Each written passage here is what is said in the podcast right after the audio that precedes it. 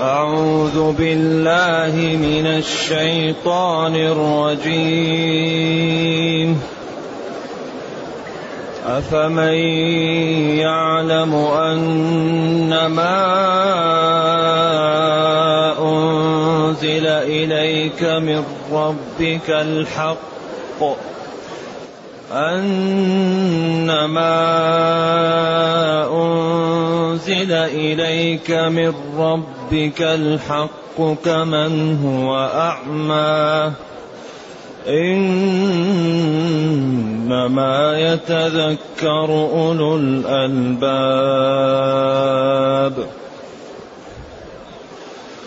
الذين يوفون بعهد الله ولا ينقضون الميثاق. والذين يصلون ما أمر الله به أن يوصل يصلون ما أمر الله به أن يوصل ويخشون ربهم ويخشون ربهم ويخافون سوء الحساب والذين صبروا ابتغاء وجه ربهم وأقاموا الصلاة وأنفقوا مما رزقناهم وأنفقوا مما رزقناهم سرا وعلانية ويدرؤون بالحسنة السيئة ويدرؤون بالحسنة السيئة أولئك لهم عقبى الدار جنات عدن يدخلونها. جنات عدن يدخلونها ومن صلح من آبائهم وأزواجهم وذرياتهم ۖ والملائكة يدخلون عليهم والملائكة يدخلون عليهم من كل باب. سلام عليكم. سلام عليكم بما صبرتم بما صبرتم فنعم عقبى الدار.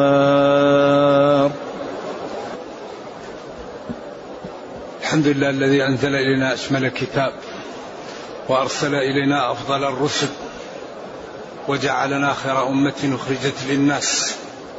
فله الحمد وله الشكر على هذه النعم العظيمة والآلاء الجسيمة. والصلاة والسلام على خير خلق الله وعلى آله وأصحابه ومن اهتدى بهداه. ما بعد فإن الله تعالى يبين صفات الناجين في هذه الآيات والهالكين. ليبقى كل واحد على بصيرة من أمره قبل أن يفوت الأوان. فيقول جل وعلا أفمن يعلم؟ أن ما أنزل إليك من ربك الحق كمن هو أعمى. الذي يعلم أن ما أنزل إلى نبيه من القرآن ومن السنة أنه الحق هذا لا يستوي مع من هو أعمى لا يدري عن ذلك ولا يبصر حقا من باطل ولا يعرف واجب من حرام ولا معبود من عابد. كمن هو أعمى. اذا لا يستويان. وسبق أن أشرنا في هذه الدروس المباركة أن القرآن قائم على توضيح منهج الصالحين وجزاءهم وتوضيح منهج المجرمين وجزاءهم. وكل واحد يعتبر ويبادر حتى ينجو من نجا عن بينة ويهلك من هلك عن بينة. إذا أمن يتقي أمن يتعلم فيعلم أن ما أنزل إليك من ربك الحق فالهمزة عاطفة لشيء محذوف وهذا كثير ما في القرآن. أمن يعلم أيستويان أو أو يستويان فمن يعلم ومن لا يعلم. فكأن الهمزة يعني يستفهم بها شيء محذوف ثم عطف عليه الفاء. ألم ينتبهوا؟ ألم يستعملوا عقولهم؟ ألم ينظروا في هذا الوحي فيعلموا أن ما أنزل إليك إيش؟ من ربك هو الحق. ألم يستعملوا موارد العلم التي منحهم الله فيتبصروا أن ما أنزل إليك من ربك الحق؟ إذا هم حزبان. حزب الله وأولئك هم المفلحون. حزب الله الذي يتبع القرآن الكتاب والسنة. ليس من يدعي. وحزب الشيطان. وهذا يكثر في القرآن ويرد بطرق وبأدلة وببراهين كثيرة جدا. فيقول جل وعلا ألم يستعمل هؤلاء عقولهم فيعلموا أن ما أنزل إليك من ربك الحق؟ أيستويان الذي يعلم والذي هو أعمى لا يستويان. إنما يتذكر أولو الألباب. التذكير والذي ينتفع والذي يستفيد هم أصحاب ماذا؟ العقول. ولذلك لما وصف الله الخاسرين الذين خسروا أنفسهم وأهليهم يوم القيامة ألا ذلك هو الخسران المبين؟ ثم وصف حالهم. لهم من فوقهم غلل من النار ومن تحتهم غلل ذلك يخوف الله بعباده يا عبادي فاتقون. اذا إيش الحل؟ الحل الذين اجتنبوا الطاغوت أن يعبدوها وأنابوا إلى الله لهم البشرى فبشر عبادي إيش؟ الذين يستمعون. لا بد من إعطاء وقت لهذا الدين ليعلمه الإنسان ويعرف الحق فيتبعه فينجو. أما الذي لا يستعد لإعطاء وقت لهذا الدين من أين له الفهم والعلم والهداية؟ إذا قال فبشر عبادي إيش؟ الذين يستمعون. القول بعدين فيتبعون أحسنه. أولئك الذين هذه صفتهم أولئك الذين هداهم الله وأولئك هم أولو الألباب أصحاب العقول. وقال في الآية أفمن يعلم أن ما أنزل إليك من ربك الحق كمن هو أعمى؟ لا يستويان. إنما يتذكر أولو الألباب. إنما يتذكر وينتفع بالذكرى ويصلح له الاستقامة والإقلاع عن الذنوب والاجتهاد في العمل. أصحاب العقول أولو الألباب الذين يستعملون عقولهم ويعلمون أن هذا الكون لا بد له من موجد وأن الله تعالى أرسل نبيه وجاء بشريعة وضمين لمن تبعها أن ينجو وأن يسعد وأن من لم يبالي ولم يعرف ما الواجب عليه ما الحرام عليه وخاض مع الخائضين وكذب بيوم الدين وقام كما يريد في الدنيا هذا سيخسر خسارة لا وراء وراءه والقرآن دائما يبين صفة هؤلاء وصفة هؤلاء وجزاء هؤلاء وجزاء هؤلاء حتى يبقى المسلم على بصيرة من أمره. إنما يتذكر إنما أم الباب حصر التذكير والاتعاظ والانتفاع في أصحاب العقول. الألباب جمع لب واللب هو العقل.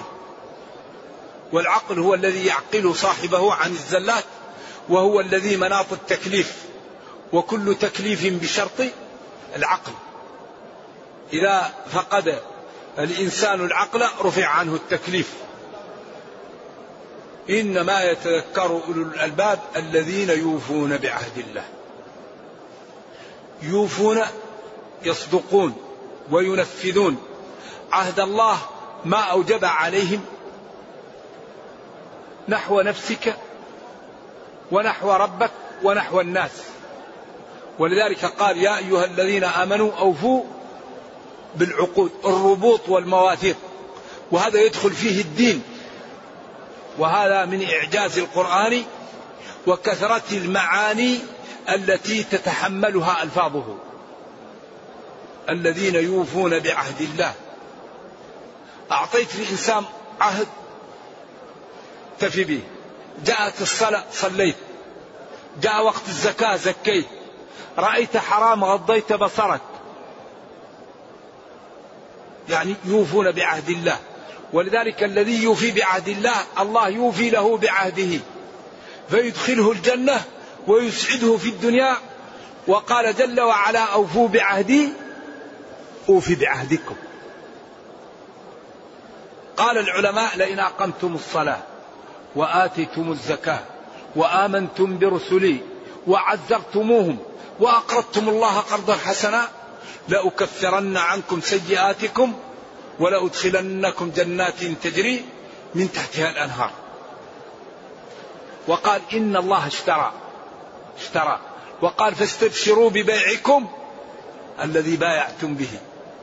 ما هو معقول كل واحد منا يريد الثمن والمثمون؟ إذا كان كل واحد يريد الثمن والمثمون هذه مشكلة. إذا كان المسلم يريد أن يأخذ الثمن والمذموم ما هو معقول؟ الدنيا يحكمها. قانون إيش؟ تبذل تربح تنام تخسر. لذلك قال اشترى. استبشروا ببيعكم. ولذلك الذي يريد الجنة يبذل مهر الجنة. الجنة ما يمكن واحد يدخلها بدون ما يبذل ألف لام ميم. حسب الناس أن يتركوا أن يقولوا آمنا وهم لا يفتنون. ولقد فتنا الذين من قبلهم فلا يعلمن الله الذين صدقوا ولا يعلمن الكاذبين. ليس بأمانيكم ولا أماني أهل الكتاب من يعمل سوءا يجز به. إذا يقول جل وعلا أفمن يعلم أن ما أنزل إليك من ربك الحق كمن هو أعمى؟ أيستوي المتقي والمجرم؟ أفنجعل المسلمين كالمجرمين؟ لا يستوي. هناك يقول في آخر سورة هود ما لا يقول في آخر سورة هود ربنا جل وعلا؟ لا قبل هذا. عطاء غير مجذول فلا تك في مريته هؤلاء الآخرون ما يعبدون ما يعبدون إلا كما يعبد آباؤهم من قبل وإنا لموفوهم نصيبهم غير منقوص. وقال في حق الآخرين الآية. أيوه. لا لا. قبل الآية. وأما الذين سعدوا ففي الجنة وأما الذين شقوا ففي النار لهم فيها زفير وشهير فأما الذين شقوا ففي النار لهم فيها زفير وشهيق. وأما الذين سعدوا أو سعدوا ففي الجنة خالدين فيها ما دامت السماوات والأرض والسماوات والأرض دائمة عطاء غير مجذوب. إذا وهنا قال كمن هو أعمى كمن هو أعمى فأما الذين شقوا ففي النار.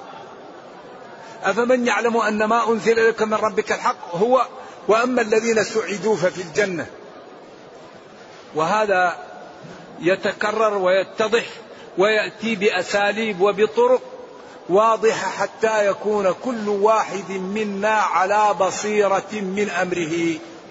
لذلك لا يعذب الله عبدا إلا بعد أن يقيم عليه الحجة والبرهان. ما يمكن يعذب إنسان إلا بعد إرسال الرسل. رسلا مبشرين ومنذرين لئلا يكون للناس على الله حجة بعد الرسل. وما كنا معذبين حتى نبعث رسولا. وقال في حق أهل النار كلما ألقي فيها فوج سألهم خزنتها. ألم يأتكم نذير؟ قالوا بلى. قد جاءنا نذير فكذبنا. ولذا ربنا يقيم الحجة على جميع الخلق. نرجو الله السلام والعافية. إنما يتذكر أولو الألباب يتعظ وينتفع بالذكرى أصحاب العقول. ولذلك قال وذكر فإن الذكرى تنفع المؤمن. المؤمن إذا قلت له اتق الله خاف وقال لك سمعا وطاعة أتوب إلى الله. والذي لا يتقي الله إذا قلت له اتق الله أخذته العزة بالإذن. ماذا فعلنا؟ يغضب إذا قلت له اتق الله. فالذي يغضب من قولك له اتق الله هذا يخاف عليه. أي مسلم قيل له اتق الله يتواضع ويقول سمعا وطاعة أتوب إلى الله. بين لي خطئي لكي أرجع عنه. الذين يوفون بعهد الله كل العهود التي بينك وبين نفسك وبينك وبين الآخرين وبينك وبين الله فيدخل فيه جميع الشريعة. ولا ينقضون الميثاق. هذا للعلماء فيها قولان. قول ان المقصود بالميثاق هنا نفس أوامر والنواهي. المواثيق التي بينك وبين الله وبينك وبين الناس ويكون هذا عطف من باب التوضيح. وقيل أن المواثيق هي كل ما بينك وبين وبين نفسك وبين الله هو. ويقطعون ما أمر الله به أن يوصل هو نفس هذه المواثيق. فيكون عطف الشيء على نفسه وقيل وقائله أكثر أن المقصود بها صلة الرحم. إذا يوفون بعهد الله ولا ينقضون الميثاق يعني يوفون بالعهود ولا ينقضون المواثيق التي بينهم وبين أحد. فلا ينقض ولا يكذب ولا يغش لأن الله أمر العبد أن يستقيم ويعطيه الجنة. فلا ينقض العهد الذي بينه وبين الله بارتكاب المعاصي سواء كانت معاصي مكفرة أو كبيرة أو صغيرة. والذين يصلون ما أمر الله به أن يوصل يصلونه الوصول ضد القطيعة. وما أمر الله به أن يوصل هو نفس هذا الشرع أن ينفذ. وقيل وهو الراجح صلة الرحم. ما أمر الله به أن يوصل الأرحام ولذلك استعاذت الرحم بالرحمن وأخذت بحقه جل وعلا فقال أما ترضين أن نصل من وصلك وأقطع من قطعك؟ قال العلماء أكثر سبب موت الفجأة قطيعة الرحم تقطع الإنسان. والرحم الذي تجب أن توصل المحارم. المحارم بالنسب. العم والعمة والخال والخالة والأخ والأخت والإبن. كل المحارم بالنسب. بدليل جواز جمع المرأة بين بنت عمها وبنت خالها. والجمع بين الضرتين مظنة للقطيعة. لذلك حرم الجمع بين المرأة وعمتها وبين المرأة وخالتها وبين الجمع بين الأختين. أما بنات العم وبنات الخال فأباحت الشريعة أن يجمع الرجل بينهما وذلك مظنة نشر للقطيعة لما يقع في نفوس النساء من الغيرة. فلذلك قال العلماء الرحم التي يجب وصلها هم المحارم والذي فوق ذلك مطالب بصلتها ولا ينبغي أن تقطع لكن الذي يتعين المحارم بالنسب. ولذلك حرمت الشريعة الجمع بين المرأة وعمتها وخالتها والجمع بين الأختين لأن ذلك مظنة نش للقطيعة وتغاضت عن بنتي العم وبنتي الخال لأنهم أبعد قليل وليسوا بمحارم بالنسب والله تعالى أعلم. يصلون ما أمر الله به أن يوصل ويخشون ربهم يخافون الله تعالى فيما يذرون وفيما يعملون. والخشية أمر في النفس يلزم صاحبه بالإخلاص وبعدم المعاصي. لأن العبد إذا خشي الله انتبه لعبادته وتجنب المعاصي. ولذلك قال تعالى قد أفلح المؤمنون الذين هم في صلاتهم خاشعون. فالخشوع هيئة تكون في النفس صاحبها يؤدي العبادة على أحسن حال ويكون خوف الله ومحبة رضاه مقدم على المال والأولاد وعلى الجاه وعلى المنزلة وعلى محابه وما يرغب من الأمور التي تكون مشغلة عن الصلاة أو عن العبادة. أو عن أوامر الله واجتناب نواهيه فإن الخشوع حالة تكون في النفس يقدم بها العبد ما يحبه الله عما يحبه هو. ولذلك بين الله تعالى أن المحاب الثمانية لا بد أن يكون الله ورسوله والجهاد في سبيله مقدم عليها. وإلا إن لم نفعل فإن هناك أمر تهديد وتخويف. فقال جل وعلا قل إن كان آباؤكم وأبناؤكم وإخوانكم وأزواجكم وعشيرتكم وأموال اقترفتموها وتجارة تخشون كسادها ومساكن ترضونها. هذه محاب الدنيا لا يحب في الدنيا إلا الثمانية هذه. أحب إليكم من الله ورسوله. إلى الله مرضاته رسوله في اتباعه وجهاد في سبيله بذل في سبيل الله. بذل نفس بذل مال بذل وقت بذل جاه. فتربصوا انتظروا هذا أمر للتهديد. ويخشون ربهم. يعني يخافون ربهم. فلا يقدمون على المعاصي ولا يتخلفون عن الواجب. فهؤلاء الذين فعلوا هذا امتلأت قلوبهم من الإيمان. هؤلاء عزهم محقق سعادتهم محققة.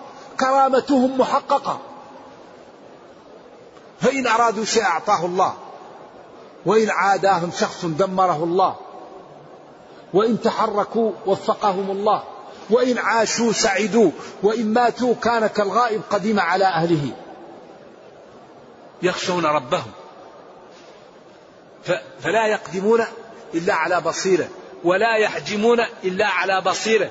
لأن قلوبهم تخشى الله تعالى فلما خشوا الله لم يقدموا على النواهي ولم يتخلفوا عن الأوامر. فسعدوا في دنياهم وأخراهم وأصبحوا قدوة في الخير وأصبحوا في الدنيا يذكرون بالخير ويحمدون ويوم القيامة يروا لهم منازل كالنجوم. ولذلك التغابن الحقيقي يوم القيامة يوم يجمعكم ليوم الجمع ذلك يوم التغابن. ويخافون سوء الحساب. يخافون يوم القيامة أن يفعلوا أمرا يغضب ربهم عليهم فيجدون سوء عاقبة أعمالهم يخافون من ذلك. ولذلك قال الله تعالى واصفا للمتقين الذين يأتون ما آتوا وقلوبهم وجلة أنهم إلى ربهم راجعون. فقالت عائشة يا رسول الله يأتون ما أتوا من المعاصي؟ قال لا يا ابنة الصديق يأتون ما أتوا من الطاعات وهم خائفون على أن الواحد يكون على شعبة من النفاق أو على عدم إخلاص أو عمل ذنبا لا يقبل منه. وكل ما زاد علم الإنسان وزادت خش... يعني آه، معرفته زاد خوفه من الله. ويخافون سوء الحساب. سوء المحاسبة وعاقبة الأمر لأنه لا يدري هل كان على خطأ أو ما الذي يختم له به. والذين صبروا ابتغاء وجه ربهم. صبروا. لا يمكن الإنسان ينال شيء إلا بالصبر. كل شيء يحتاج صبر. العبادة تحتاج صبر. ترك المعاصي يحتاج صبر. أقدار الله تحتاج على الصبر. أذية الإخوان تحتاج إلى صبر. بذل المال يحتاج إلى صبر. أن تبر بوالديك تحتاج إلى صبر. زيارة المرضى وإصلاح ذات البين تحتاج إلى صبر. فكل إنتاج لا بد له من الصبر. ولكن صبروا ابتغاء وجه ربهم ما صبروا ليقال ونعم ليقال عالم. ليقال جواد ليقال جريء. لا صبروا ابتغاء وجه ربهم ابتغاء مرضاة الله تعالى وأن الله تعالى يجازيهم بالإحسان ويبعدهم عن النيران. صبروا ابتغاء وجه ربهم طلب مرضاة الله تعالى لوجه الله لا لغير ذلك. لذلك من أصعب ما يواجه الإنسان في هذه الدنيا الإخلاص الإخلاص الإخلاص. لأن المحمدة والذكر والمال هذه تعوق الإنسان. لكن إذا امتلأ قلب الإنسان من الخشية ومن العلم بالله تعالى وما عند الله للمتقين المخلصين عند ذلك هانت عليه الدنيا وهان عليه ذكر الناس. الله هو اللي يعطي هو اللي يمنع. هو اللي يعز هو اللي يذل إذا لا لا نعمل إلا لله ولا نخاف إلا من الله ولا نرجو إلا الله. ولكن لا نأذي الآخرين لكن يكون رجائي الله. والذين صبروا ابتغاء وجه ربهم. صبروا على طاعة الله صبروا على أقدار الله صبروا عن معاصي الله. تريد أن تنظر تعلم أن هذه النظرة حرام تغض بصرك. تريد أن تتكلم تعرف أن هذه الكلمة حرام تسكت. تريد أن تمشي تعرف أن هذا المجلس فيه حرام تجلس. تريد أن تبيع تعرف أن هذا البيع حرام تكف. صبروا ابتغاء وجه ربي. تسمع حي على الصلاة وأنت في غاية النعاس تقوم إلى المسجد. يأمرك أبوك أو أمك بأمر وهو صعب عليك فأنت تذهب تقول حاضر. صبروا ابتغاء وجه ربهم عن معاصي الله؟ وعلى الواجبات وعلى الأقدار ابتغاء وجه ربهم لأجل الله. ما هو لأجل غير ذلك؟ لذلك أول من تسعر بهم النار القمم الذين ما صدقوا القمم الكاذبة. الذي مات وقيل له لما قتلت في سبيل قيل له كذبت قتلت ليقال إيش؟ شجاع وقد قيل. الثاني كذبت ليقال جواد وقد قيل. الثالث كذبت ليقال عالم وقد قيل. بعدين اذهبوا به إلى النار. فلذلك نحن الآن في الدنيا.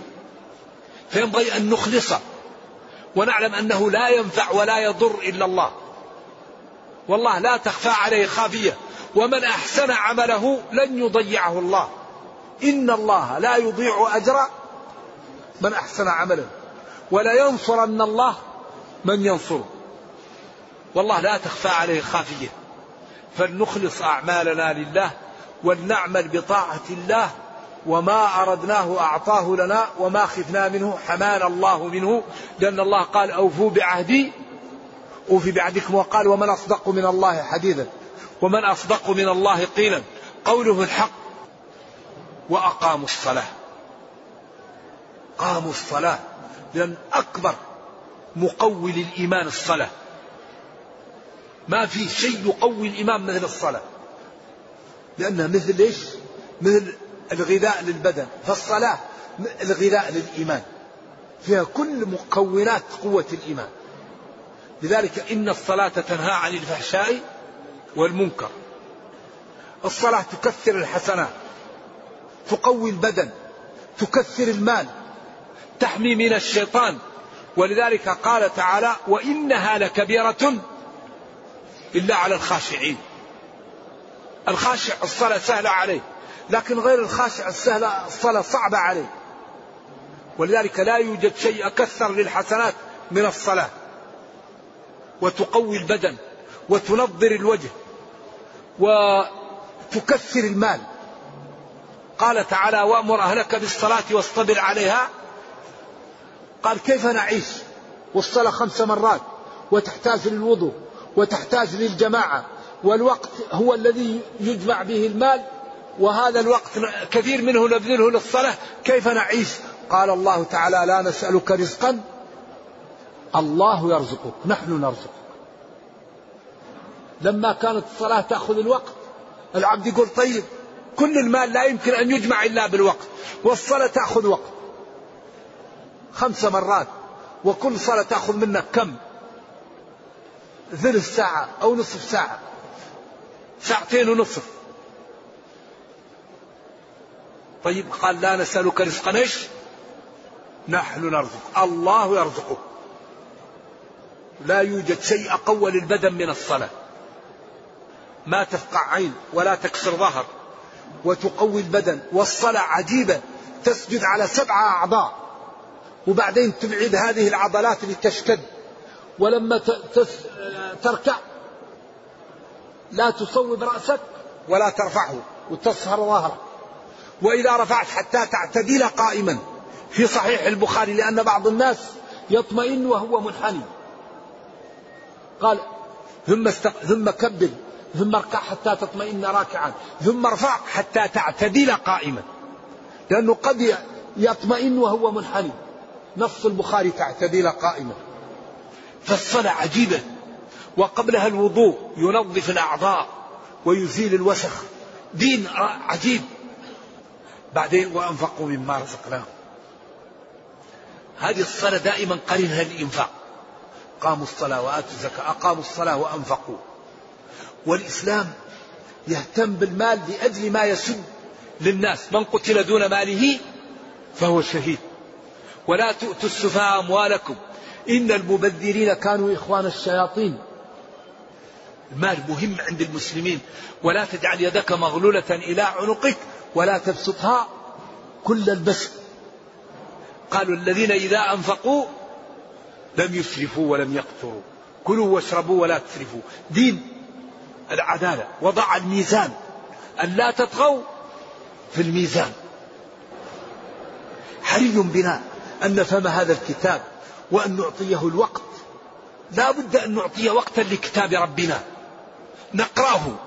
نتلذذ بأوامره وننفذها نتجنب نواهيه. نتخلق بأخلاقه. نتأدب بآدابه. نسعد به.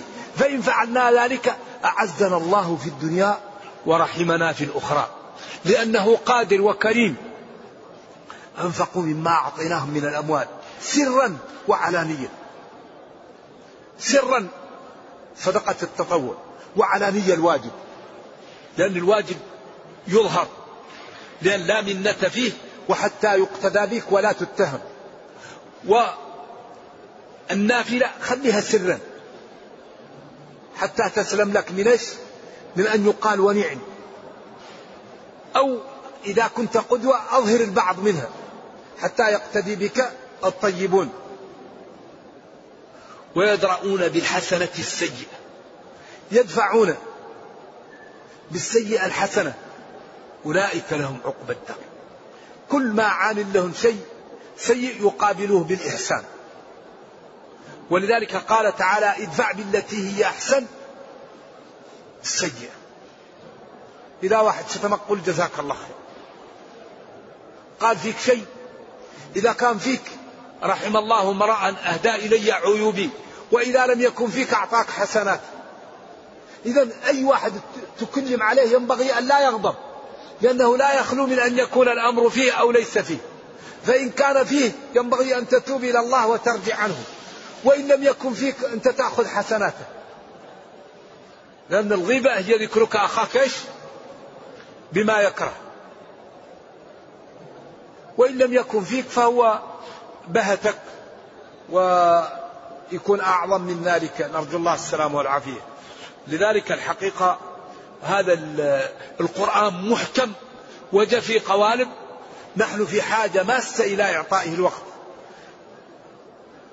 وأنفقوا مما رزقناهم سرا وعلانية ويدرؤون بالحسنة السيئة. يقابلون بالسيئة الإحسان وقال هناك ادفع بالتي هي أحسن فإذا الذي بينك وبينه عداوة كأنه ولي حميد. وأخبر الله أن هذا لا يناله إلا من اتصف بالصفتين الصبر والحظوة عند الله. وما يلقاها إلا الذين صبروا وما يلقاها إلا ذو حظ عظيم.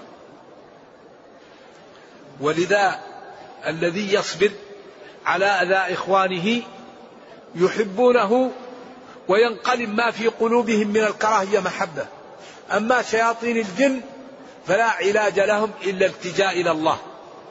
ثم قال وإما ينزغنك من الشيطان نزغ فاستعذ بالله. وقال خذ العفو وأمر بالعرف وأعرض عن الجاهلين وإما ينزغنك من الشيطان نزغ فاستعذ بالله. هؤلاء لهم عقبى الدار. لهم العاقبة والدار التي هي الجنة. لهم عقبى الدار. العقبى الآخرة والعقبى لهم. لهم عقبى الدار جنات عدن. لهم عقبى الدار جنات عدن. لهم العقبى أو لهم حسن الدار. هذه العقبى وهذه الحسنى جنات عدن. لهم آه، يعني الدار الآخرة ولهم آه، يعني العقبى والمآل الحسن لهم وهو جنات عدن. جنات المسمية عدن يدخلونها ويأتيهم من صلح من آبائهم وأزواجهم وذرياتهم. كما قال والذين آمنوا واتبعتهم ذريتهم بإيمان ألحقنا بهم ذريتهم وما وما نقصناهم من عملهم من شيء وما ألتناهم من عملهم من شيء. هنا قال هؤلاء لهم عقبى الدار هذا العقبى جنات عدن. فيها ما تشتهيه الأنفس وتلذ الأعين وأنتم فيها خالدون. ظل ممدود وماء مسكوب وفاكهة كثيرة. لا مقطوعة ولا ممنوعة وفرش مرفوعة. أزواج إنا أنشأناهن إنشاء فجعلناهن أبكارا عربا متحببات. لأصحاب اليمين. إذا هذا ينبغي أن يصرف فيه الوقت ينبغي أن يصرف فيه المال ينبغي أن يصرف فيه الجاه ينبغي أن تصرف فيه الراحة ينبغي أن يخاطر الإنسان لأجل هذا. يدخلونها ويدخلها أحبتك الذين آمنوا ومن صلح من آبائهم وأزواجهم وذرياتهم. وهؤلاء تدخل عليهم الملائكة قائلين لهم سلام عليكم سلمكم الله وسلمتم من الآفات بسبب ما صبرتم وتفضله عليكم فنعم عقب الدار. نعم فعل جامد لإنشاء المدح. نعم العاقبة الدار وهي الجنة. نرجو الله جل وعلا أن يجعلنا وإياكم من أهل الجنة. اللهم أرنا الحق حقا وارزقنا اتباعه وأرنا الباطل باطلا وارزقنا اجتنابه ولا تجعل الأمر ملتبسا علينا فنضل. اللهم ربنا أتنا في الدنيا حسنة وفي الآخرة حسنة وقنا عذاب النار. اللهم اختم بالسعادة آجالنا واقرم بالعافية غدونا وآصالنا واجعل إلى جنتك مصيرنا. اللهم أصلح لنا ديننا الذي هو عصمة أمرنا وأصلح لنا دنيانا التي فيها معاشنا وأصلح لنا آخرتنا التي إليها معادنا واجعل الحياة زيادة لنا في كل خير والموت راحة لنا من كل شر. سبحان ربك رب العزة عما يصفون وسلام على المرسلين والحمد لله رب العالمين وصلى الله وسلم وبارك على نبينا محمد وعلى آله وصحبه والسلام عليكم ورحمة الله وبركاته.